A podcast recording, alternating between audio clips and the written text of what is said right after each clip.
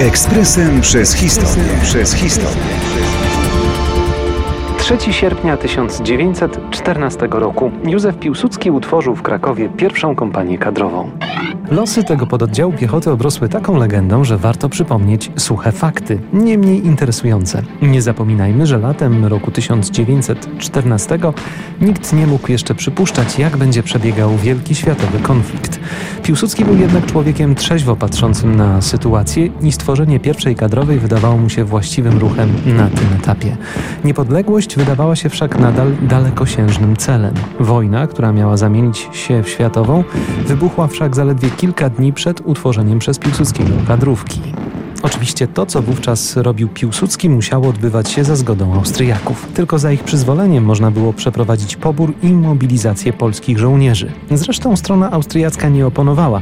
Skuszona wojną przez Niemców, potrzebowała żołnierzy i chętnych do walki. Do starcia z Rosjanami Polaków nie trzeba było namawiać. Słynną potem pierwszą kadrową sformowano 3 sierpnia w Krakowie z członków Związku Strzeleckiego i polskich drużyn strzeleckich. Piłsudski dowódcą mianował Tadeusza Kasprzyckiego, pseudonim Zbigniew który do czasu wybuchu II wojny wspiął się na stopień generalski. Kompania wyruszyła 6 sierpnia, po drodze obalając rosyjskie słupy graniczne. 12 sierpnia pierwsza kadrowa z pomocą innych sił polskich zajęła Kielce. Resztę historii znamy. Już w wolnej Polsce w sierpniu 1919 roku została zarządzona na Zamku Królewskim uroczysta zbiórka kadrowców.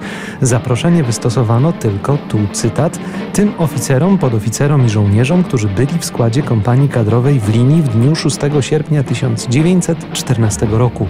Nikomu innemu prawo do wzięcia udziału w niej nie przysługuje pod żadnym pozorem.